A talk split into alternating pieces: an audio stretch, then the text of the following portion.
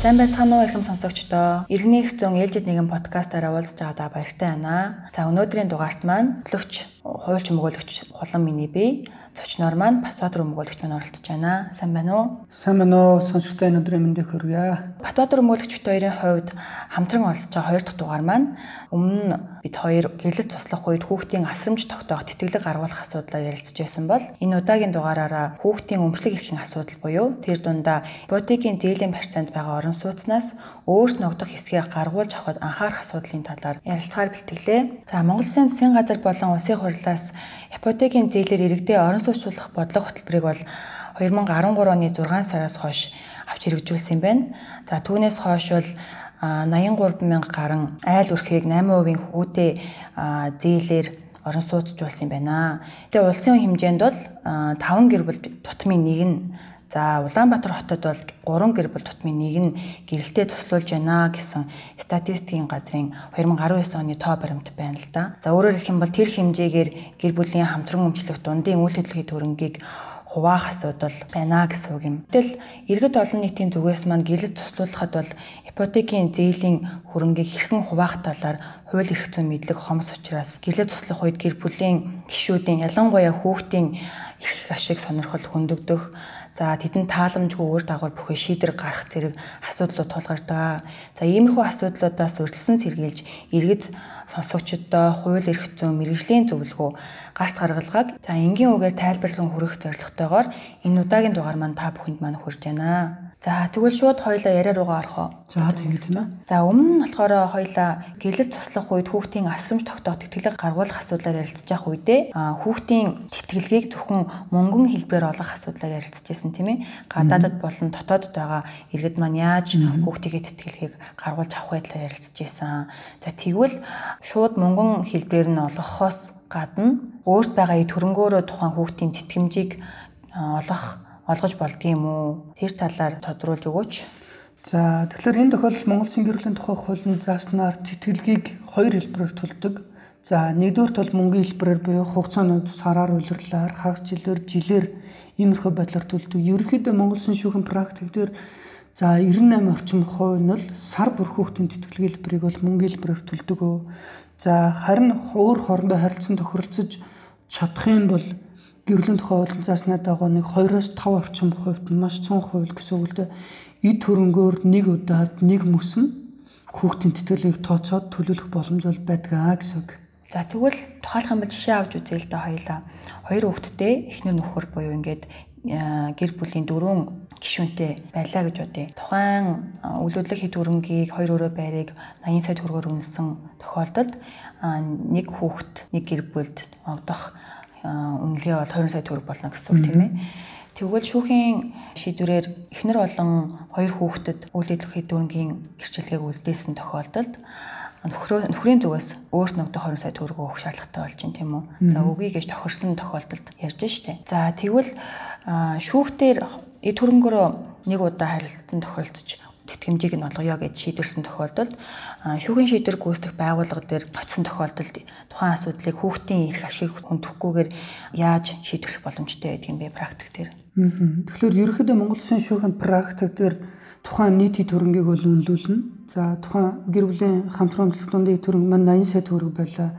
За хоёр хүүхдээ ихнэр гэрэлтэд цэцлүүлээд хүүхдүүд өөрөө асрамжинд авсан тохиолдолд тухайн байрны 4-ний 3% буюу 60 орчим сая төгрөгийг бол авна. Өөрөөр бол гэрчлэгийг бол өөрийнхөө нэр дээр гаргуул авах боломж нээлттэй болно. За тэгэнгүүт л нөхрийн хувьд бол эхнэр болон хүүхдүүдэд ногдох хувийг өгсөн хэдий боловч өөр өөрөө тухайн орон байрнаас 20 сая төгрөгийг гаргуул авах эрх нь нээлттэй болдог. Яг иймэрхүү байдлаар шийдвэрлэхээс гадна шүүхийн практик дээр төрөний хэлсэнчлэн сар болгон хүүхдийн тэтгэлгийг төлөх үүрэг бол хүлээгээд үлддэг. За энэ 20 сая төгрөгөө хүүхдийн тэтгэлгээрээ тохироод хах иймэрхүү бодлоор өмчлөг эрхийг ихнэр хүүхд рүү шилжүүлэх тохиолдол боломж бол байгаа гэсэн. А харин хүүхдийн тэтгэлгийг сар болгон төлнө 20 сая төгрөгөө бол би бэлнээр авна гэж шүүхэн шийдвэр гаргуулах нэг сөрөг тохиолдол бас байж болно. А хэрвээ ингэж тохиролцоод шүүхэн шийдвэр гарцсан тохиолдолд шүүхэн шийдвэр гүйцэтгэх байгууллага дээр эхнэр хүүхдтэйгээ тэтгэлгийг гаргуулна гэдэг өгдөг нөхөр 20 сая төгрөгөө гаргуулна гэдэг өгчих тохиолдлууд бол байдаг аль альнаасаа шаардах хэрэг нээлттэй байдлаар өгдөг. За нэгэнт 20 сая төгрөгийг нь эхнэр биднэр гаргаж өгөх боломжгүй. За нөхөр хүүхдийн тэтгэлгийг сар болгон төлөөдөх боломжгүй ингээд нэг 23 сарын хугацаатай ингээд үргэлжлээд айл айл нь боломжгүй байгаа тохиолдолд за тухайн байрыг албадан дуудлага худалдаанд оруулах уу гэдэг тулгымцсан асуудлууд үүсэж явждаг. Яг ийм асуудал үүсэхэд ирэнгүүт айл айл нь төлөх боломжгүй учраас шийдвэр гүйцэтгэгчээс та нар хоорондоо тохиролцоо гэдэг саналыг үл ахаад тавьдаг. За үгүй бол дуудлага худалдаанд ороод ирэхлээр айл айлнд нь ашиггүй байр суурьтай болно хүүхдийн хөмслөх хэрэгээр хөндөгдөг зөрчигдөх асуудлууд үүсдэг. Энэ тохиолдолд нөхрийн зүгээс за би өөрийнхөө 20 сая төгрөгийг за хүүхдэд төлөх тэтгэлэгтэй тооцоолоод төлчөө гэд ингээд тухайн хэргийг хаах тохиолдол бас байна. За мөн нөхрийн зүгээс магадгүй эхнэр хүүхдийн тэтгэлэгт хоёр хүүхдүүд гээд нэг 30 сая төгрөг төлөхөөр бол эхний 3 жилд нь би 20 сая төгрөгөөр хаач дараагийн жилээс ахуулаад одоо үлдэгдэл 10 сая төгрөгийг нь бол би одоо сар болго иймэрхүү байдлаар төлөё гэд хэрэгээ халах тохиолдол бол бас байдаг. За иймэрхүү практикуудаас шүүхэн шүүхтэр болон шүүгэн шийдвэр гүйцэтгэх байгууллагууд өөрлөх хэрэгжиж эхэлсэн гэсэн үг. Тэгэхээр эхнэр төхөр хоёр хоорондоо харилцан тохиолдож чадах юм бол хүүхдээ эрх ашиг хүндөхгүйгээр шийдвэрлэх боломж бол байгаа юм байна гэж ойлголоо. За яг үнэн зөв. Нэгэнт бол тухайн хүүхэд нь тухайн нөхрийн магтсны тасархай учраас л ингээ хүүхдээ эрхээ хүндэхгүйгээр ингээ хоорондоо харилцан тохиролцоо шийдвэрлэдэг гэсэн. За ойлгомжтой. За дараагийн асуудал болохоор за ихэнх айл өрхүүд бол байр орон сууцаа 8% ипотекийн зээлээр авдаг болсон. Тэгвэл гэлэл цуцлах үед тухайн байрыг гэр бүлийн гишүүдийн тоогоор тэнцүү хувааж өгдөг үү? Эсвэл хүүхдийн насанд хүрээгүй гэдэг утгаар нь одоо бага хувь хэмжээгээр хувааж өгдөг тохиолдолд байгаа юу?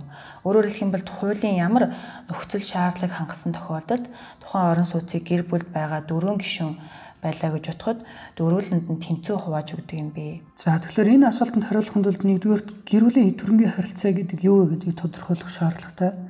За тэгэхээр гэр бүлийн идэвхрэнтэй холбоотой харилцаа гэхлээр гэрэлтийн үр дүнд болсон гэрлэгчдийн хуваар толон дундын идэвхрэнтэй холбоотой харилцаа. За мөн түрүүний хэлсэнчлэн гэрлэгчд болон хүүхдүүдэд тэжээм тэтгэвтэй холбогдсон харилцааг гэрлийн идэвхрэнгийн харилцаа гэж тодорхойлж болно гэсэн. За тэгэхээр мөн энэ дээр ипотекийн зээлийн барьцаанд байгаа үйл хөдлөлийн төрөнгийг хуваах асуудал байна. Тэгэхээр яг энтэй хамааралтайгаар зээлийн барьцаанд байгаа төрөнгийг хуваах тохиолдолд энэ асуудал нэм тэргүүний шалгуур нь гэрүүлийн гишүүдийн хамтран өмчлөх дундын их төрөнг байгаа тохиолдолд энэ ид төрөнгийг хуваах асуудал яригдана гэсэн. Тэгэхээр ахаад нөгөө хамтран өмчлөх дундын ид төрөнг гэж юу вэ гэдэг асуудал бас тодорхойлох шаардлагатай. Тэгэхээр гэрснээс хойш хамтран амьдрах хугацаанд бий болсон гэр бүлийн гишүүдийн хуваарт эд хөрөнгөөс бусад эд хөрөнгүүд хамтран өмчлөх тундын эд хөрөнгүүдээс шууд хамаарнаа гэсэн үгийн тохиолдолд бол. За тэгэхээр ерөнхийдөө шүүхийн практикаас харахад бол иргэд маань нэхэмжил гарахтаа за гэр бүлийн гишүүдийн хамтран өмчлөх дундын эд хөрөнгөөс өөрт болон хүүхдэд ногдох эд хөрөнгийг гаргуулах талаар нэхэмжлийн шаардлага гаргадаг. Энэ дээр бол нэг шүүгэн практик дээр бараг 90 шив нь ийм шаардлага гаргадаг. Тэгэхээр яг эдгээр төрөнгүүд юу хамаардаг вэ гэхээр гол төлөв болохоор өөрсдийн амьдарч байгаа байр болон орон сууц, хашаа байшин, за мөн өөрсдийн унж явж байгаа машин унаа тэрэг, за граш гэд эдгээр төрөнгүүд бол хамаардаг. За тэгэхээр эдгээр төрөнгүүд бол хамтрамжлах дундын төрөнгүүд нэгдүгээр хамаарх юм байна. Хоёрдугаар за гэрлийн гишүүн гишүүнд ногдох хий төрөнгийн хэмжээг тодорхойлохдоо тэр насанд хүрсэн байна уу, хүүхэд байна уу, хөдөлмөрийн чадваргүй хүүхэд өнөө хамаагүйгээр хэрвээ гэрчлэнээс хойш бий болсон төрөнгүүд мөн байна хамтран өмчлөх дундын төрөг мөн байна гэж үзэх юм бол гишүүн төс бүрд яг нэг ижил хэмжээгээр бол ногдно гэсэн. Том хүн байна уу, дөнгөж төрсэн хүүхэд байна уу хамаагүйгээр а бүгднгийн тэгш тэнцүү хэрэгтэйгээр хуваана гэсэн. За тэгвэл нэг жишээ авч үзье л да. За А гэдэг иргэн өөрийнхөө нэр дээр нэг өрөө байртай.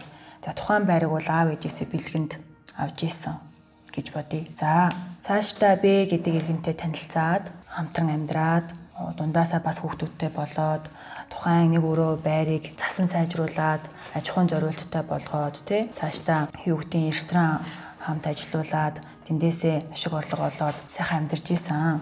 Гэтэл мэдээж амьдралын явцуд бол асуудал гарснаар хоёр тишээ болох асуудал үүссэн гэж төсөөлөе л дөө. Тэгвэл тухайн нэг өрөө байрыг за юу гэдэг 2 3 өрөө байр болгоод цасан сайжруулсан үйлдвэрийн үйлдвэр ажилтны зорилттой болцсон тэр үйл эд хөрөнгийг хуваах асуудал үүсэн тийм ээ.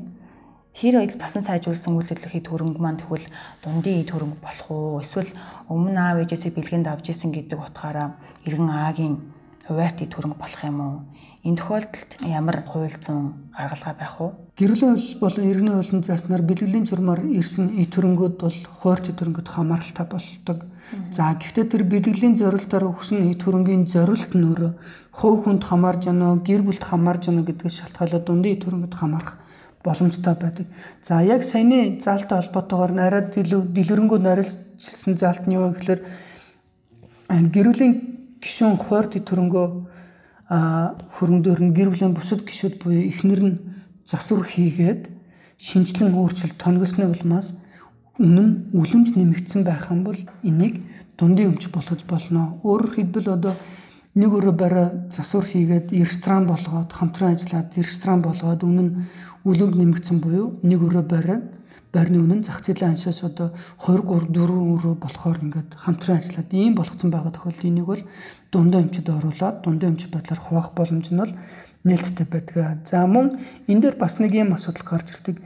Юу ихлээр гэрснээс хойш гэр ахуйн ажил эрхэлсэн хүүхэд асарсан өвчтэй байсан хүндэтгэн үнцэх шалтгаанаар орлого олоогүй байсан эхнэр нөхөр гэрүүлийн бусад гишүүд хөрөнгөө хамтран өмчлөх эрх бас мэдээлж болдог. Яг тэгэхээр эмэгтэйчүүдийн хувьд маань за ар гэрийнхээ амьдралыг авч явах гээд 3 жил, 5 жил, 10 жил, 20 жил одоо өөрийнхөө мэрлэр ажиллахгүй хүүхдүүдэд харж идэг. Зөвхөн нөхрийнхөө карьерт анхаарал явж идэг. Нөхөр тухайн төрөнгүүдийг би ганцаараа бий болгох юм а гэдэг нэрээр дамгаалаад энэ зөвхөн миний хувь өмч гэж үзэх бол боломжгүй гэсэн. Энэ тохиолдолд бол ихнэр бас үргээ гүйцэтгсэн гэдэг утгаар бол хамтран өмчлөлт үндэ өмч болгуулад хуваалгах боломж л байгаа гэсэн. За маш ойлгомжтой. Тэгвэл тухайн байрны үйл хөдлөлийн төрөнгийн гэрчлэгээ зөвхөн эцгийнхэн ч юм уу, ээжийнхэн ч юм уу нэр дээр гарсан гэж бодвол гэрүүлийн бусад гишүүд түүнээс нь хувь хэмжээ хүртэх эрх байгаа юу? Өөрөөр хэлэх юм бол хуульд заасан таны төрөний ярьсанчлан гэр бүлийн гишүүний хуваарьтын төрөн гэдэг ойлголтод ямар ямар төрөнг ордог болохыг сонсогчдод маань тайлбарлаж өгөөч.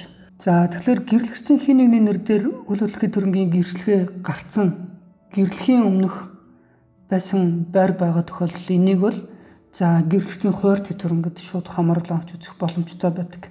Өөрөөр гэрлэхийн өмнө би болсон байна. Үйл хөдлөлийн төрөнгийн гэрчлэгээ өөрийнх нь нэр дээр бий болсон байсан гэхлээр тэгэхээр энийг энэ асуултанд илрүүлж хариулахын тулд гэрлэгчдийн хойр тэтгэрэн гэдэг ямар тэтгэрэнгөд хамаарх гэдгийг зайлшгүй тодорхойлох шаардлагатай болоо гэж би бодож байна. За тэгэхээр гэрлэгчдийн гэрлийн гишүүний хойр тэтгэрэн гэхлээр гэр бүлийн гишүүний хин нэгнээс зөвшөөрөл авахгүйгээр өөрийн эрх сонирхлын үүднээс эзэмшиж ашиглаж захиран зарцуулах боломжтой буюу хин нэгэнд бэлгэлж болно хин нэгэнд захиран зарцуулж худалдах боломжтой гэрлэхийн өмнө бий болсон эд хөрөнгүүд мөн гэрсний дараа бий болсон тодорхой тохиолдлын эд хөрөнгүүд бол гэрслийн хуурь эд хөрөнгүүд хамаардаг. За тэгэхээр энэ дээр гэрлийн өмнө бий болсон эд хөрөнгүүд хамаарх юм байна. Гэрсний дараа өв залхамжлын журмаар, бэлгэлийн журмаар шилжүүл авсан мөнгөн хуримтлал эд хөрөнгө, эд хөрөнгийн эрх тэдгэрийг худалдаж арилжсны үр дүнд бий болсон эд хөрөнгүүд бол гэрчдийн хуурь эд хөрөнгүүд бол шууд хамааралтай гэсэн. За мөн Гэрснээ дараа амиа уян хэрэгцээг хангахад зориулагдсан эд хөрөнгүүд байдаг. Тухайлбал одоо эмэгтэйчүүдийн хувьд бол одоо эмэг бүгж зөвлөлт тийм ээ. Эдгээр хувьд бол гэрчлэгтэй хуурт эд хөрөнгүүд хамаардаг. За мөн гэрснээ дараа хүний авяас чадвар олд амжилтыг цаашаа шагнасны орлогод хамаардаг. Тухайлбал одоо үндэсний бүх төр наадмаар одоо төрөө бүх юм бай шагналууд гэхэд тэдгээр хүний хувийн авяас чадвар олд амжилтыг цаашаа шагнасны орлого гэдгээр тэр 500 сая хүрж байна. Асар их хүнд хүрдэг шүү дээ. 1 тэрбум төгрөгийн бай шагнал авч чаддаг. Энэ бол хуваарь тэтгэрмэд хамааралтай. За мөн олимпийн авраг боллоо гэхэд тэн дээр ирж байгаа дагалдаж ирж байгаа мөнгүүд бол хуваарь тэтгэрмэд бол бас хамаардаг гэрсний дараа. За мөн оюуны өмчлийн зүйл буюу зохиогчийн шагнал маань бас хувийн авяас чадвар олд амжилтыг цаашаа шагнасан тийм ээ. Оюуны бүтээлчүүл ажиллагааны үр дүн бий болсон тэр одоо зохиол бүтээл, ном зохиол гаргалаа, жүжигэн зохиол гаргалаа. За програм бүтээлээ гэж бодоход бол энэ хойр тэтгэнгүүдээс шууд хамааралтай гэсэн. Тэгэхээр заавалчгүй гэрлэхээс өмнө байсан төрөнгө нь хуваарь тэтгэрэнг байхаас гадна гэрснээ дараа ч гэсэндээ одоо Тэний саяны хэлсэнчлэн сайшаал шагналд хүрч шагналд хүрсэн бол өөрийнх нь хуваар тий төрөнг бас байж болох юм байна. За яг зөв тийм ээ. За банкнаас 8% хүүтэй зээлээр орон сууц худалдан аавна гэдэг нь бол тухайн байрыг банкны барьцаанд тавьж урт хугацаанд буюу 10-аас 30 жилийн хугацаанд тухайн байрны зээлийг дуусгах хүртэл хугацаанд хуваац заасны дагуу зээлийн буцаан төлөлтийг төлөх үүрэг, зээлийн гэрээний үүрэг үүснэ гэсэн үг тийм ээ. Гэтэл амьдрал дээр мэдээж энэ хүү 10-аас 30 жилийн урт хугацаанд бол гэр бүл туслах асуудал бол үүсч болно. Энэ тохиолдолд банкны өмнө хүлээсэн зээлийн гэрээний үүргийг хэн нь хүлээх вэ гэдэг асуудал бол мэдээж үүсдэг. Тэгэхээр практикт ер нь шүүхээс ямар төрлийн шийдвэрүүд ихэнх тохиолдолд гарч байгаа вэ энэ тохиолдолд За харилцан тохиолцож болох уу? Хин за чи зээлийн үүргээ төл, зээлийн гэрээний үүргээ төл, а би болохоор тухайн байрны өмчлөлийг өөр дөр авч үлдээе ч гэдэг юм уу те. Тиймэрхүү байдлаар харилцан тохиолцож болох юм уу? Эсвэл хүүхдээ асамжинд аваагүй байгаа гэр бүлийн гишүүдэд энэ хүү үүргийг хүлээлгэх шийдвэрийг гаргаж байгаа болов уу? За тэгэхээр ерөнхийдөө шүүхийн практикаас харахад бол эвлэрхийн бүл өөр хоорондоо бас ач холбогдолтой өөр өөрсдийнхөө эрх эх сонирхлыг хангаж хамгаалах ахад цаашлаад хүүхдийн эрх эх сонирхлыг хамгаалахад бол боломжтой болж эхэлдэг. За тэгэхээр шүүхтэр нэг бол гэрлэгчтэй хувьд эвлэрлийн гэрээ байгуулдаг, төрөнгөтэй холбоотой эвлэрлийн гэрээ байгуулж болдог. За мөн шүүхийн өмнөх шатн дээр очиод эвлэрүүлэн зуршлах төв дээр бас эвлэрлийн гэрээ байгуулад асуудлаа шийдвэрлэх боломж бол байдаг. За хэрвээ эвлэрч чадахгүй байгаа тохиолдолд энэ дээр шүүхэн журмаар бол асуудлыг бол шийдвэрлэдэг. За тэгэхээр харилцан тохиролцож эвлэрэл шийдвэрлэж байгаа энэ шүүхийн практикаас харахад за талууд ер нь төрөнгийн маргаангүй буюу шүүхийн шатанд эвлэрсэн тохиолдолд эвлэрүүлэн зуршлах төвдөр одоо гэрээ байгуулж хоорондоо тохиролцоод энэ эвлэрлийн гэрээгээ шүүгчийн захирамжаар ингэж баталгаажуулах энэ асуудлууд байдаг гэсэн. За энэ шүүхийн практикаас харахад бол гол төлөв тухайн дундын төрөнгөөс өөрт ногдох хэсгийг ямар байдлаар шийдвэрлэх вэ? За зээлийн гэрээний үүргийг хэн шийдвэрлэх вэ гэдэг дээр энэ хоёр дээр л ерөөхдөө эвлэрлийн асуудал яригддаг. За тэгэхээр нэгдүгээр болохоор ипотекийн зээлийн барьцаанд байгаа гэр бүлийн хамтран өмчлөх дундын орон сууцыг хуваахтаа хүүхэд асрах эрхтэй талд нь орон сууцны өмчлөлийг үлдээх тохиолдол бол маш илбэг байна. Харин нөгөө тал нь зээлийн гэрээний үүргээс чөлөөлөх ийм байдлаар нэгдүгээр шийдэж байна. 20 дугаард болохоор хүүгд асрах эрхтэй талд байрны өмчлөлийг шилжүүлсэн мөртлөө нөгөө тал тэр гэрээний үүргийг дангаараа хариуцах. Ийм бас нэг хөлбөр яваад байна. За мөн хүүгд асрах эрхтэй талд байрны өмчлөлийг шилжүүлж зээлийн гэрээний үүргийг гэрлэгчд хамтраад хоёлаа ингээд хуваах байдлаар ийм асуудлаар байна. За мөн бас нэг сонгодог хөлбөр нь юу вэ гэхээр орон сууцыг хүүгд асрах эрхтэй талд үлдээгээд орон сууцны гэрчлэгэн дээр хүүхдийн эрхийг сонирхлыг харгалзаад хүүхдийн нэрийг оруулах байдлаар тохиролцдог. За мөн ингэхдээ орон сууцын захиран зарцуулах эрхийг тодорхой хугацаанд хязгаарладаг. Бас за яг энэ тохиолдолд зээлийн гэрээний үүргийг хин нэгэн лүгөө шилжүүлэх иймэрхүү байдлаар харилцан адилхан маш олон хувилбараар одоо өөрсдийнхөө боломж болон эрх аж сонирхлыг харж яа мөн хүүхдийнхээ ирээдүйн эрх аж сонирхлыг харж иймэрхүү боломжит хувилбарыг гаргаж байгаа маш сайн практик хангасан кейсүүд бол нэлээдгүй байгаа. Эвлэрх нь бол ер нь бол ач холбогдолтой гэсэн үг энэ тохиолдолд бол. Аа. За тэгэхээр саяны ярьсны дагуу бол одоо эхнэр нөхөр мань харилцан тохиролцоод за тухайлах юм бол байра нөхрийнх нь өмчлөлт нь үлдээгээд цаашдаа одоо тэр зээлийн гэрээний үүргийг нөхөр дангаараа хариуцахаар болсон. За эхнэр зээлийн гэрээний үүргээс чөлөөлөхөр болсон гэж бодъё л доо. Өөрөөр хэлэх юм бол энэхүү тохиролцоогоо шүүхийн шийдвэрээр тодорхой тусгуулаагүй зөвхөн ерөнхий байдлаар за төрөнгийн маргаангүй гэд тусгуулсан тохиолдолд ямар үр дагавар үүсч болох юм бэ амьдрал дээр? За тэгэхээр яг энэ дээр нөгөө эвлэрлийн гэрээд бичгээр байгалаагүй и төрөнгөө хэрхэн хуваах талаар тохиролцсон мөртлөө шүүхийн шийдвэр дээр бид нар эдгэрэнгийн маргаангүй гэдэг байдлаар бол шүүхтэр бол яваад ордог гэрэлүүд бол зөндөө байдаг. Өөрөөр зөвхөн шүүхийн шийдвэр дээр ингэж зөвхөн дурдсан байдлаар ингэж шийдвэрлэж байгаа.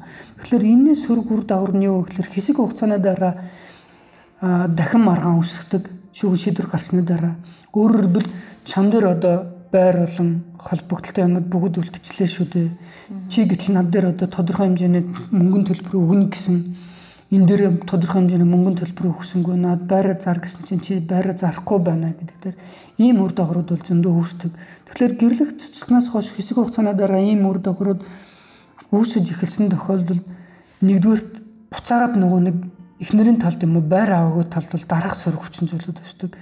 Зээлийн барьцаанд байгаа байрыг өмчлөлтөд авсан нөхөр зээлийн гэрээний үүргээ биелүүлэхгүй, зээлээ төлөхгүй байгаад байдаг. Энэ тохиолдолд эхнэрийг зээлийн гэрээний үүргээс чөлөөлөх боломжгүй эхнэр нөгөө байрна байрч авч чаддаггүй тэгсэн мөртлөө зээлийн гэрээний үүргийг хамтран төлөө байдаг.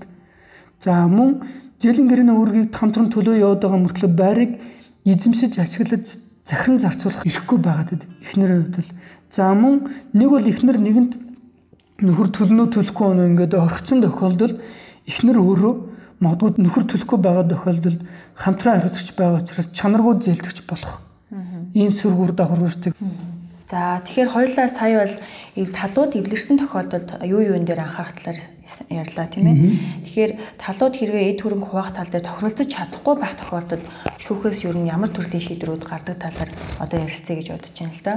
За манай одоогийн шүүхийн практикт бол ихэнхдээ хэрвээ талууд хоорондоо харилцан тохиолцож чадахгүй байх тохиолдолд байрны өмчлөг эрхийг хүүхэд асрах хэрэгтэй талд нь үлдээгээд байгаа гэж түрүү хэлсэн тий. Тэгэхээр ер нь хамтран өмчлөх эд дундын эд хөрөнгийг хуваахта ямар ямар нөхцлүүдийг харгалзан үзчихээж шүүхээс шийдвэрээ гаргаж байгаа вэ хуулиар. За тэгэхээр ерөнхийдөө гэрлийн тухайлаар гэрэл цуцснаас гэрүүлийн гишүүнд оногдох дундын эд хөрөнгийн эсийг тодорхойлоход гэрлэгчдийн эрүүл мэндийн байдал За хүүхдийн эрх ашиг сонирхол сонирхлыг харгалзаж үзнэ. За мөн дундын эд хөрөнгөө зөв бусаар ашигласан нуусан За мөн гэрэл цуцлан хэний буруутай үйл ажиллагаа байна вэ гэдгээс шалтгаалагдаад эдгээр асуудлыг шийдвэрлэдэг гэрэл хуулиар. За харин иргэний хуулиар тухайн асуудлыг арай найруулчлаа зохицуулсан заалтыг аваад үзэх юм бол за гэрлэгчдийн эрүүл мэндийн байдал хүүхдийн ашиг сонирхлыг харгалзаад арай өөр байдлаар бол бас шийдвэрлэх хууль эрх зүйн зохицуултууд нь бол байгаа гэсэн. За гэхдээ шүүхийн практикаас хараад үзвэл бас энэ асуудлыг арай өөр байдлаар шийдвэрлэдэг. Өөрөөр хэлбэл орон сууцны өмчлөлийг хүүхэд асрах эрхтэй талд үлдээж орон сууцны үнээс гэрүүлийн гишүүн ногдох хувийг гаргуулдаг. Энд дэр за ингэхлээр ипотекийн жилийн гэрээний үүргийг гэрүүлийн насанд хүрсэн гишүүдийн тоонд хуваах байдлаар шийдвэрлэж байгаа тохиолдол байгаа гэсэн үг. Энд дэр за мөн эндээс нэмэт хэлэхэд бол шүүгээс хамтран өмчлөх дундын төрөнгийг хуваахтаа гэрүүлийн гишүүдийн хувийн байдал хөрөнгөд оруулсан хувь нэмэр ипотекийн зээл төлөх санхүүгийн боломж шалгуурт тэнцэж байгаа эсэх асуудлуудыг бас жоохон орхигдуулах гэдэг. Яг энийг хараад өнөглөр хүүхд асрамжлах эрхтэй талд үлдээсэн байхад нөгөө эмэгтэй мань өөрөө зээлдэгч биш байгаад байдаг. Мөн цаашлаад ипотекийн зээлийг төлөх чадамжгүй байгаа тохиолдолд нөхөр ахиж хохирж үлдэх гэдэг тийм ээ. Иймэрхүү сүргүүр дагавар гардаг учраас энэ шүүхийн практик дээр одоо шүүгчнэр хувьд бол бас яг эдгээр талуудыг хүүхдийн эрхийг сонирхлогж харгаж үзэхээс гадна энэ зээл төлөх боломж нь хэр байна вэ? Хинээр нь зээлийг төлөвлөөд хүүхдэд юу оногдуулах вэ? Энэ талаар нь шийдэхгүй бол хүүхдийн цаад үндсэн үр доор нь хүүхдийн эрх сонирхлыг хамгаалах боломжгүй байдлаар одоо байр нь хураагдах байдлаар асуудлууд гардаг аа гэсэн. Зөв зөв. За тэгэхээр таны саний ярьсан дээр үнтлээд асуухад бол нөгөө зээл төлөх боломжийг нь бас харгалзаж үзээд хүүхд тасрах хэрэггүй талд нь байрны өмчлөг эрхийг үлдээдэг тохиолдлууд бас байна гэж ойлгох уу? За ер нь шүүхийн практик дээр энэ хүүхд тасрах хэрэггүй талд нь байрны өмчлөгийг үлдээж байгаа тохиолдол маш цөөхөн. За нэг нэг 5 орчим хувьтай байдаг. За энэ дээр тэгэхээр ирэхгүй талд нь үлдээнэ гэхээр эхнэр хүүхдэд ногдох хувийг байрны өмчлөлөөс ногдох хувийг гаргуулна шийдвэрлэдэг гэсэн. Тэгэхээр энэ дээр хариуцагчийн хувийн байдлыг шүүхс харж үздэг. Тэгэхээр өөр бол хариуцагч маань тэтгэврийн насны байна уу? И төрөнгийг бий болох гэд оруулсан хувь нэмэр нь ямар байна? За мөн одоо яг нэг зээлийг төлөө цааш нь үргэлжлүүлээд явах чадамж нь хэр байна те? Энэ байдлуудыг харгалзаж үзэх тохиолдол бол цөөнгөө тохиолдол байдаг аа гэсэн. За өмнө хоёлагийн ярьсанчлан талууд эвлэрсэн болон эвлэрээгүй тохиолдолд зээлийн гэрээний үүргийг хэрхэн хуваах шийдвэрүүд гарч байгаа талаар ерөнхийд нь ярьсан. Тэгвэл хоёлоо одоо тодорхой жишээ авч үзье гэж бодож байна л да. Тухайлах юм бол эхнэр нөхөр хүүхэд гэр бүлийн 3 гишүүн 60 сая төгрөгийн үнэлгээтэй байрыг банкнаас 10 сая төгрөгийн урьдчилгаа төлөөд зээл авсан гэж үзье. Өөрөөр хэлэх юм бол банк нь 50 сая төгрөгийн зээлийн төлбөрийн үргэтэй гэсэн үг. Тэгэхээр энэ тохиолдолд эхнэр нөхөр хоёр гэрэлтэй цуцлуулахт болсон үед шүүхээс талбайд эвлэрээгүй тохиолдолд яаж зээлийн гэрээний үүргийг нь хувааж байгаа талаар тодорхой жишээ ярьж өгөөч. За тэгэхээр ерөнхийдөө нийт байрны үнэлгээгээр тооцоод үзвэл 60 сая төгрөгийн байр. Тэгэхээр гэр бүлийн 3 гишүүн буюу гэр бүлийн гишүүдэд ногдох хэд төгрөг буюу яг адилхан тэнцүү байх хэрэгтэй хуулиараа. Нөхөрт тэгэхээр 20 сая, эхнэрт 20 сая, хүүхдэд 20 сая төгрөг гэр бүлийн гишүүд ингээд ногдно гэсэн. За 10 сая төгрөгийг өрсөлдөөн төлсөн байгаа учраас За үлдэгдэл төлбөр маань 50 сая төгрөг гэд бодчихъя хэвлээ. 50 сая төгрөг гэх юм бол энийг гэр бүлийн насанд хүрсэн гишүүд буюу зээл авсан этгээдэд болох эхнэр нөхөрт 25 25 сая төгрөг үлднэ гэсэн. За ингээд зээлийн үлдсэн 25 сая төгрөгөөс одоо гэр бүлийн гишүүдэд ногдох хит хөрөнгөө хасаад үзэхлээр за эхнэрт үлдсэн 25 сая төгрөгөөс ногдох хэсэг буюу 20 сая төгрөгөө хасахаар эхнэрт 5 сая байна. За нөхөрт ногдох хэсгийг буюу 25 сая төгрөгөөс ногдох хэсэг 20 сая төгрөг хасхлаар 5 сая төгрөг үлдэж байна гэсэн. Тэгэхээр энэ тохиолдолд нөхөр байрг үлдэж орон сууцнаа гэж ногдох хэсгийн төлбөрийг өөрт ногдох зээлийн төлбөр тооцоолоод 5 сая төгрөгийг эхнэр хүүхдэд төлөхөр болно гэсэн. А харин эхнэр хүүхэд байрыг үлдэж зээлийн үлдэгдэл төлбөрөөс 5 сая төгрөгийг нөхрөөс гаргуулад цаашдаа зээлийн төлбөр бол өөрөө хариуцна гэсэн. За энэ дээр бас нэг анхаарал хэлэхэд бол энэ бол ипотекийн зээлтэй холбоотой, орон сууцтай холбоотой зээлийн маргааны асуудал ингэж шийдэгдэж байгаагаас гадна хүүхдэд тижээнд итгэх хүүхдийн тэтгэлгийн төлбөр бол тусдаа сар болгонороо төлөгдөд явна гэсэн үг шүү. Тэгэхээр урьдчилгаан төлсөн нөгөө 10 сая төгрөг байгаа шүү дээ. Тухайн 10 сая төгрөгийг нөхөр дангаараа төлсөн үү? Эсвэл хамтраа 5 5 саяар нь хувааж төлсөн үү гэдэг асуудлыг нөгөө шүүхийн шийдвэр гаргахтаа харгалзаж үздэг. За ер нь бол урьдчилгаа төлбөрийг хэн төлсөн гэдэг нь бол нэгэнд гэрлэгчдийн хамтран өмсөх дундын эмчийн ий төрөнд байгаа тохиолдол энийг бол харгалзаж үзэхгүй гэсэн. Энд дэр нөхөр 100% төлсөн байна уу? 50% төлсөн байна. Энд дэр бол хамаагүй гэсэн. За бас нэг шүүхийн практик дээр нэг тогтсон асуудал нь юу вэ гэхээр ахад би нэг өөр жишээ авъя яг саяны тохиолдол дээр. За хүүхдгүй байлаа гэж бодоход урьдчилгаанд нөхдүүд 20 сая төгрөгийг урьдчилгаанд төлсөн. За мөн сар болгон төлөөд 5 жилийн хугацаанд нэг 15 сая төгрөгийг төлсөн. Ийм байлаа гэж бодоход бол шүүхийн практик дээр нэг нийт төлсөн төлбөр нь 35 сая төгрөг гэх юм бол тухайн байрыг хинд үлдээж ин буюу за нөхөрт байрыг үлдээлээ гэж бодоход нөхөр байрны зээлийн үлдэгдлийг өөрөө цааш нь өргөжлүүлээд явуулна. А харин энэ урьдчилгаанд төлсөн нийт ингээд 20 сая 15 сая 35 сая төгрөгийн 50% нь буюу 17 сая 500 мянгаыг одоо нөхөрт төлөөд байрыг өөртөө үлдээгээд байрны зээлийн төлбөрийг өөрөө хариуцж явах байдлаар ийм байдлаар бас шийдэгдэж явж байгаа гэсэн үг шүүгийн практик дээр. Аа ойлгомжтой. Тэгэхээр саяны ярьсан хоёр жишээн дээр бол хоёуланд нь дандаа нөгөө үндсэн төлбөрийн талаар буюу банкнд төлөх ёстой зээлийн үндсэн төлбөрийн тал дээр ярьлаа шүү дээ. А тэгэхээр тухайлх юм бол эхний жишээн дээр банкнаас 50 сая төгрөгийн зээл авсан гэсэн жишээ авсан. Тэгвэл тухайн 50 сая төгрөг маань 15 жилийн дараа 100 сая төгрөгийн хүүтэйгээ нийлээд 100 сая төгрөгийг төлөх ёстой болдог тийм.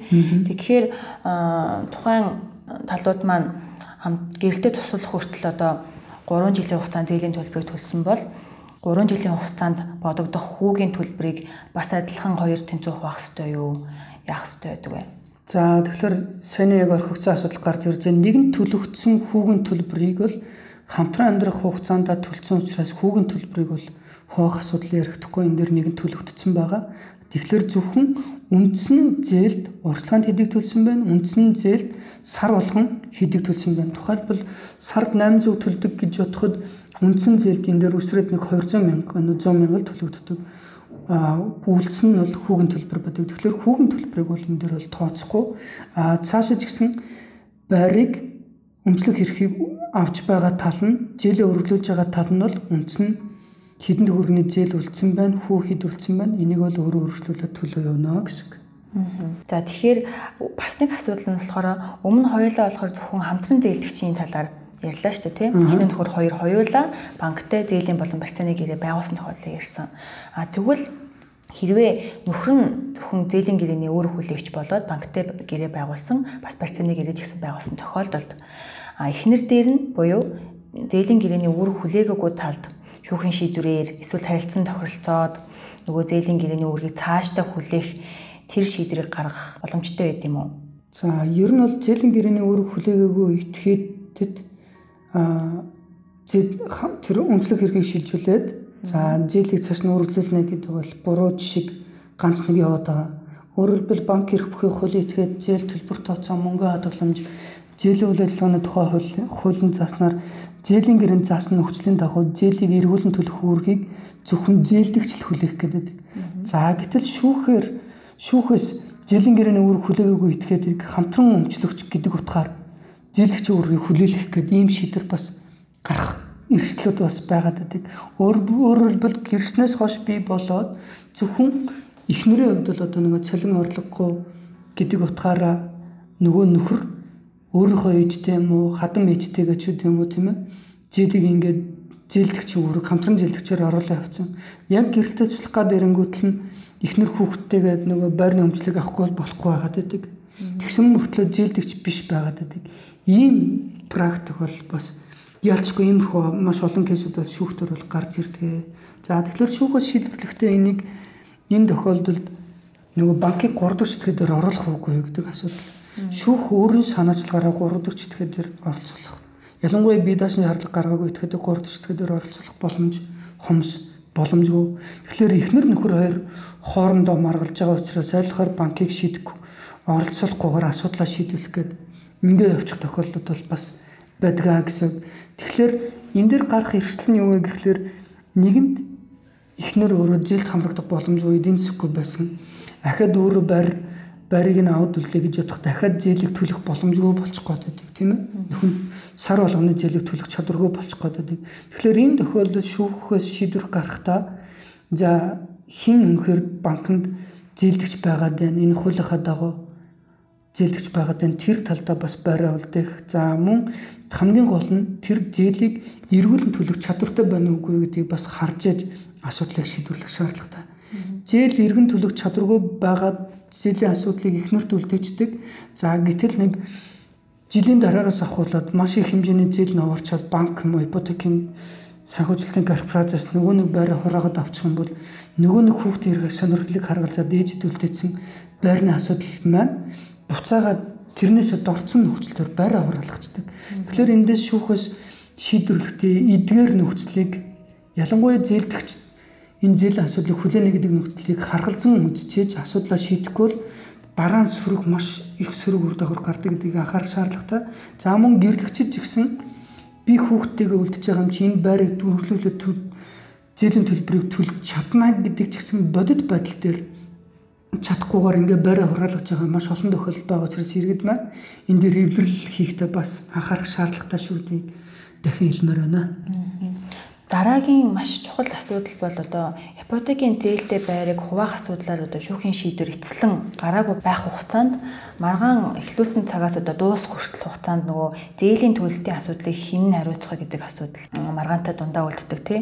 Одоо маргаантай агуу учраас чи төл эсвэл би төлнө гэдэг асуудал үүснээс болоод нөгөө цаашдаа чанаргүй зээлгчийн цагсаалтанд орох тий. Эсвэл бүр зээлдүүлэгч буюу барьцаалагч өөрөөр хэлбэл банк Монголын ипотекийн корпорацууд зээлийн гэрээний үүргийн гүйцэтгэлийг тухайн байрыг худалдан борлуулад хангуулах гих зэрэг эрсдлүүд маш их байдаг. Тэгэхээр эдгээр эрсдлээс одоо сонсогчид маань яаж өрсөн сэргийлэх боломжтой вэ?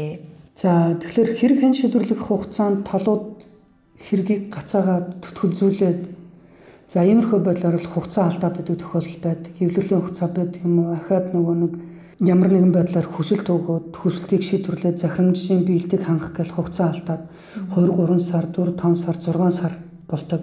Энэ хугацаанд төлбөр төлөгдөхгүй байгаа байвал энэ бол зээлдэгч нарт өөрсдөд нь бол асар их эрсдэлтэй байдаг. Ийм учраас хугацаа алдлаа гэдээ бол хожид тогтцол бол энэ дөр бол байхгүй гэсэн. А харин нэгэнт энэ зээлдэгч нар төлбөрийг төлөх нь тодорхой учраас энэ хугацаа алдаж явах хугацаанд банк маань шүүхтэй тэр хоёрын одоо нөгөө маргалдах гээд байгаа байрыг нь буцаагаад тэр хоёрын байр бус төлбөрөө төлөө гэдэг бодлоор банк маань тусдаа шүүхтэй банк төлбөртөө ингээ буцаагаад авчих эрсдлүүд бол гарч ирдэг удах тусмаа. Тийм учраас төлбөрөө өдөр төлөх шаардлагатай. Хоёрдугаар энэ дээр бас нэг гардаг эрсдэлний үг гэхэлэр эхнэр нөхөр хоёр гэрэлтэй ажиллаж байгаа тохиолдолд за банкыг 3 цэцгээд дээр болохоор татахыг хүсдэггүй тохиолдол байгаад байдаг. За шүүгч өөрөө санаачлахаараа 3 цэцгээд дээр татах боломжгүй байгаад байдаг. За ингээд гацсан тохиолдолд бол энэ дөр бол эрсдэл нь бол тэр зээлдэгч буюу эхнэр нөхөр хоёрт маргалж байгаа талууд л үүснэ үү гэхээс бус тэр нөхөр төлөө явж байгааг энэ хугацаанд ихнэр би ингэж байж байж байгаад одоо төрөнгийг нь ингээд өөрт илүү байдлаар ингээд авчнаа ч гэдэг юм уу ийм одоо яваргүй санаа олныг ач холбогдолтой байж чаддгүй. За тэгэхээр цаашид ипотекийн зээлтэй байранд хүүхдийн өмчлөг эрхтэй холбоотой хэдэн асуулт асууя гэж бодож байна л да. За өрчлөн авсан эсвэл давар хүүхдэд үл хөдлөх хэд өрөнгөнөөс өөрт ногдох хэсгийг гаргуулan авах эрх юу н байдаг юм уу? Эсвэл зөвхөн төрсэн хүүхдэд л энэ эрх нь хамаатай юу? За тэгэхээр яг нэг шүүхтэр бодог маргаантай асуудлуудын нэг мөн байна л да. Энэ асуултанд хариулахын өмнө уурчлаад энэ гэрүүлийн гишүүн гэж хэнийг хэлэх вэ гэдэг хэвэл авч үзье. Тэгэхээр гэрүүлийн гишүүн гэж гэрлэгчид тэдгээртэй хамт амьдарч байгаа төрсөн дагвар үрслэн авсан хүүхэд болон төрөл садны хүмүүсийг хамааруулдаг. За хэдийгээр энэ гэрүүлийн хуулийн дээр иймэрхүү нэр томьёог ингэж оруулж өгсөн хэдий боловч за үржлэн авсан хүүхдүүд бол энэ үйл хөдлөх хөдөлгөөс өөрт ногдох хэсгийг гаргуул авах эрх нь бол нээлттэй. Энэ дээр за дагвар хүүхдийн хувьд бол эндээс шууд одоо энэ үйл хөдлөх хөдөлгөөс өөрт ногдох хэсгийг гаргуул авах эрх нь бол хязгаарлагдмал. Яг гэвэл тэр дагвар хүүхэд хэрвээ дагвар хүүхэд маань овгоо солиод магадгүй энэ дараагийн гэр бүлтэй буюу шинэ одоо аавар овголцсон байгаа тохиолдолд эндээс ногдох хэсгээ гаргуулж авна. Хэрвээ энэ овгоо солоогүй байгаа тохиолдолд энэ хинээр овгуулсан маань тэр хүнээсээ одоо үүж алхамжлагчуд юм уу тэр хүнтэй холбоотой маргаан гарч байгаад тэр хүнээс хүнтэй холбоотойгоор өөрт ногдох хэсгээ бол гаргуулнаа. Овг солигдоогүй байгаа тохиолдолд давхар хүүхэд бол өөрт ногдох хэсгээ гаргуулахаар тэрэн дээр одоо ээж нэг юм аав нь ингээд хүүхдэд ногдох хэсэг гэдгээр гаргуулах шаардлага гаргасан ч гэсэн энд өөрт ногдох хэсгийг шүүхээс бол гаргуулж өгөхгүй гэсэн үг. За мөн төрсэн хүүхэд ч бай, дагвар эсвэл өршлөн авсан хүүхэд ч бай тэднийг насан турсан гэдэг үндслээр одоо тусдаа нэхэмжлэл гаргаад өөрт ногдох хэсгээ нэхэмжлэх хэрэгтэй гэсэн хэд хэдэн шүүхийн шийдвэр харж ирсэн л та. Тэгэхээр энэ тохиолдолд манай сонсогчид юун дээр анхаарах шаардлагатай юм болоо? За ер нь бол хүүхэд 18 наснаас дээш болцсон тохиолдолд бие даасан шаардлага гаргасан 3 зэсгээр шүүх хуралдаанд тухайн гэрэл цуцалж байгаа и төрөнгийн маргаантай тухайн шүүх хуралдаан дээр өөрөө бид өөрт ногдох хэсгээ гаргуулахаар бие даасан шаардлага гарах эрх нь бол нээлттэй энэ тохиолдолд. А харин энэ хэрэгээс тусдаа шийдвүлээ гэдэг тусдаа нэхэмжил гаргаад явна гэх юм бол хүүхэд өөрөө хохироод үлдэх магадaltaа. Тийм учраас одоо энэ хүүхэд эцэг нь юм уу ихнэд юм уу ээжнэд юм уу тэнийг гэр цуцлж байгаа маргалж байгаа талуудын ийм маргаан гаргаж яана гэдгээ хүүхэдтэй хэлэх үүрэгтэй энэний дагуу хүүхэд нь тухайн төрөнгөөс ногдох хэсгээ гаргуулахын тулд энэ хурал дээр нь тусдаа бие даасан шаардлага гаргаад өөрт нь хэсгээ гаргуулах энэ эрхээ идэх нь бол зөвөө гэсэн үг. Тэгэхээр ипотекийн зээлийн барьцаанд байгаа орон сууцнаас өөрт нь удах хэсгээ гаргуулж авах маргаан шийдвэрлэж байх үед бол хүүхдийн эрхийг хангахын тулд эргэж сонсогчид маань ямар арга хэмжээ авах шаардлагатай вэ? Өмнө ярьснаас гадна бас нэмээд зөвлөх асуудал танд байна уу? За гэрэл цуцлах хамтран өмчлөх дундын эмч хөрөнгөөс өөрт ногдох хэсгийг гаргуулах энэ ипотекийн зээлтэй холбоотой энэ маргаантай байгаа тохиолдолд тухайн одоо зээлдэгч этгээд маань өөрийнх нь нэр дээр байр байгаа гэдэг үндслээр нэг бол маргааныг шүүхийн шатанд гацаадаг нэг бол одоо их нэрийг гэдэг юм уу нөхрийг гэдэг юм уу энэ миний нэр дээр байгаа учраас маргаан шийдэл гэдэг ингээд хүүхдүүдтэй цуг хөөх асуудлууд бол нийлээдгүй байдаг.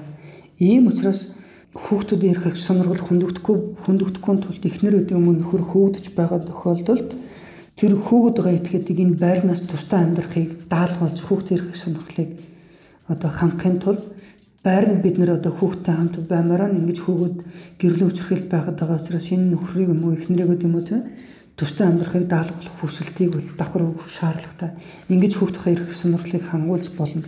За мөн ийм маргаан гараад эхэллээ гэж бодоход ипотекийн зээлтэй байр альсвал зээлгүй байр байлаа гэж бодоход нөхдүүд миний барьтаа маргалдаад байна гэдэг ингээд байраа зараад нөөц тохиолдол байх гэдэг.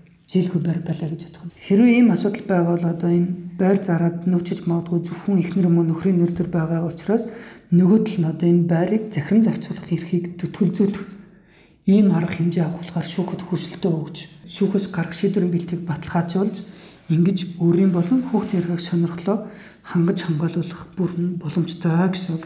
Ер нь бол хүүхдийн эрх зөрчигдөг учраас аль болохт л өөрсдийнхөө магтсны тасархай мөн л учраас энэ тохиолдолд бол тухайн маргаантай асуудлыг шийдвэрлэлтэл эцэг их энэ асуудлаа аль болохоор эвдэрлийн журмаар асуудлаа шийдвэрлэж гэдэг юм бол өөрсдийнхөө эрх ашиг сонирхлыг хангуулад эвлэрлийн гэрээнд оруулж болно. За мөн хүүхдийнхээ эрх ашиг сонирхлыг хүндэхгүй байх тийм ээ.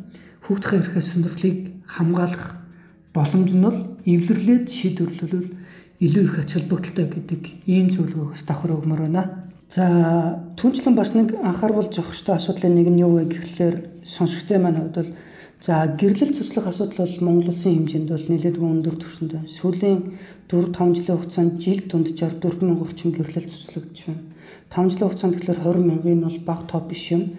А гэтэл энэ гэрэл цуцлалтын голлох хамгийн том байр суурь эзэлж байгаа нэг шалтгаан 3 дахь читгээд гэрвлийн гишүүдийн дундуур орж ирснээр гэрвлийн доктортой байдал алдагдаад байгаа. Гэрвлийн доктортой байдал алдагдуулсан тохиолдол тэр буруутай байгаа одоо эхнэрний муу нөхөр нь буруутай байлаа гэж бодоход тэдгээрт одоо ಈ төрөнгийн асуудлыг шийдвэрлэхдээ харгалзан үзэх гэрвлийн хуулийн зохицуултууд болон иргэний хуулийн зохицуултууд байгаа юм бол байгаа. Гэхдээ энийг бол төдийлөн тийм ээ шүүхээс бол авч үзэхгүй байгаа. Тухайлбал Монгол Улсын гэрвлийн хуулийн 14 дугаар зүйлийн 8 дээр гэрэл цэцлэнээр гэрвлийн гишүүнд оногдох дундын төрөнгийн эсхийг тодорхойлоход гэрлэгчдийн эрүүл мэндийн байдал хүүхдийн эрх ашиг сонирхлын үүднээс түншлэн дундын төрөнгөө зөв бусаар ашигласан нь нуусан гэрэл цуцсан түүний буруутай үйлдэлээс шалтгаалсан нь тогтоогдсон бол гэрлэгчдийн эрүүл мэндийн байдал хүүхдийн ашиг сонирхлыг харуулсан шүүхээс өөрөөр тогтоож болно гэсэн энэ заалтуудыг бол шүүх бас хэрэглэх тохиолдолд одоо хүүхдийн эрх сонирхлыг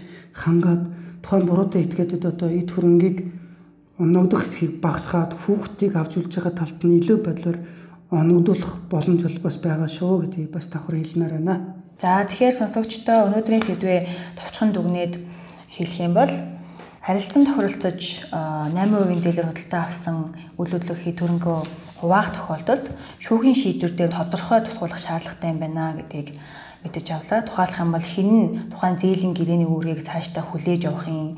За хинд нь тухайн үйлдвэрлэлийн төрөнгийн өмчлөх эрхийг нь үлдээх талаар маш тодорхой тусгуулснаар цаашдаа үүсэх эрсдлээс бол өрсөн сэргийлэх юм байна. За дараагийн асуудал бол за гэрлэнээс хойш үүссэн хуваар дэд төрөнгөөс бусад дэд төрөнгө бол хамтран өмчлөх дундын төрөнгүүд бол хамаардаг юм байна. Тухайн гэр бүлд хэдэн гэр бүлийн гишүүн байна. Тэр тоогоор тухайн хамтран үйлчлэгчид төрөнгийн мань тэнцүү хэмжээгээр хувь хүртэх ёстой юм байна. Тухайлах юм бол эхнэр нь хүүхдээ харж гэртээ ажилгүй суусан гих зэргийг үл харгалзаад яг адилхан тэнцүү хэмжээгээр нийт хөрөнгө нь ногдох ёстой юм байна. За дараагийн нэг чухал асуудал бол шүүхийн шийдвэр гарах хүртэл хугацаанд энэхүү хамтран үйлчлэх дундын төрөнгийн өргөтэй холбоотой маргаантай холбоотойгоор банкны өмнө хүлээсэн зээл төлөх үүргээ бол төлж явах шаардлагатай. Яагаад гэвэл цаашдаа чанаргүй зээлдэгч болохгүй тулд өөр бусад эрсдлүүдээс урьдсан сэргийлж шүүхийн шийдвэр гарах хүртэл хугацаанд бол зээлийнхээ үүргийг төлөөж явж исэн зүйтэй байна гэсэн хэд хэдэн чухал санаануудыг ярьлаа. За өнөөдрийн дугаараараа хүүхдийн өмчлөг эрхийн асуудал буюу тэр дундаа ипотекийн зээлийн процент байгаа орон сууснаас өөр нутаг хэсгээ гаргуулж авахд анхаарах асуудлын талаар ярилцлаа.